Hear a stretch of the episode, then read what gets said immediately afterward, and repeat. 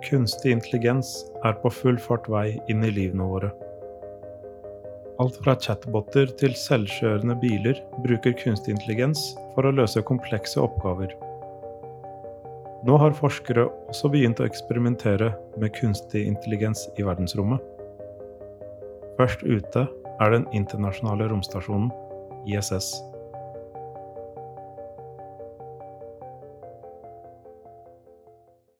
For ca. ett år siden installerte NASA i samarbeid med HP og Microsoft en datamaskin som kjører kunstig intelligens om bord på den internasjonale romstasjonen.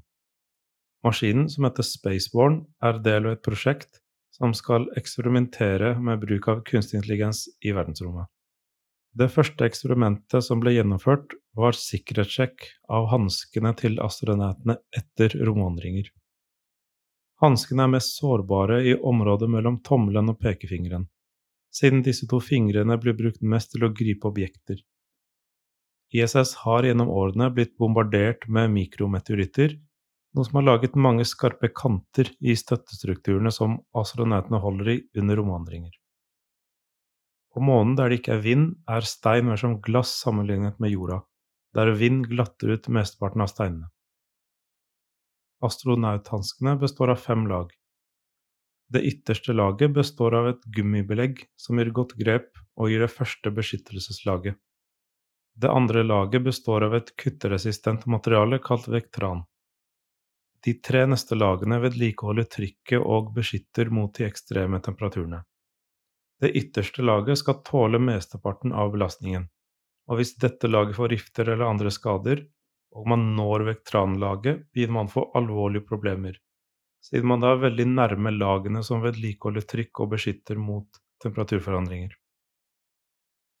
I 2007 måtte en romvandring avbrytes etter at det ble oppdaget en 6 mm lang rift i venstre hanske.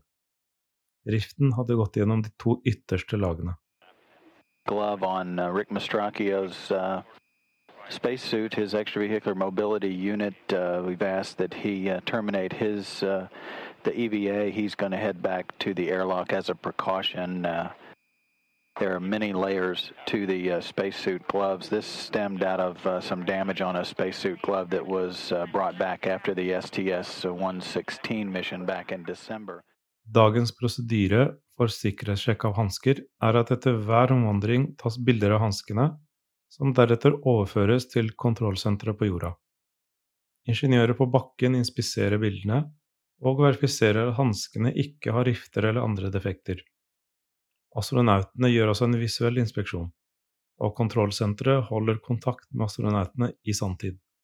Denne prosedyren har fungert bra til nå, men menneskeheten planlegger ferder som skal tas lenger ut i rommet.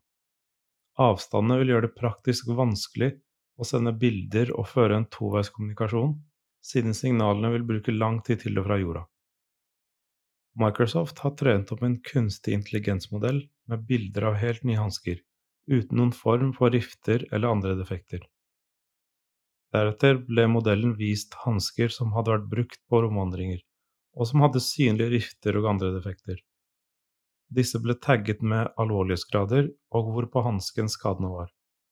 Treningen resulterte i en modell som kjører lokalt på ISS, og håper sin spacewall-maskin.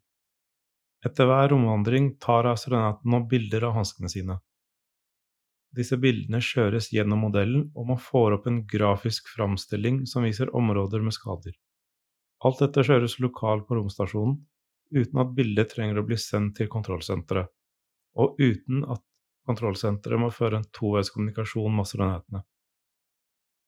Dette eksperimentet viser at kunstig intelligens også er nyttig i verdensrommet. NASA, Microsoft og HP har planlagt flere eksperimenter på Spaceborne-plattformen i framtiden. Hvis man skal sende mennesker lenger ut i verdensrommet, er vi avhengig av å bruke kunstig intelligens som en støttefunksjon.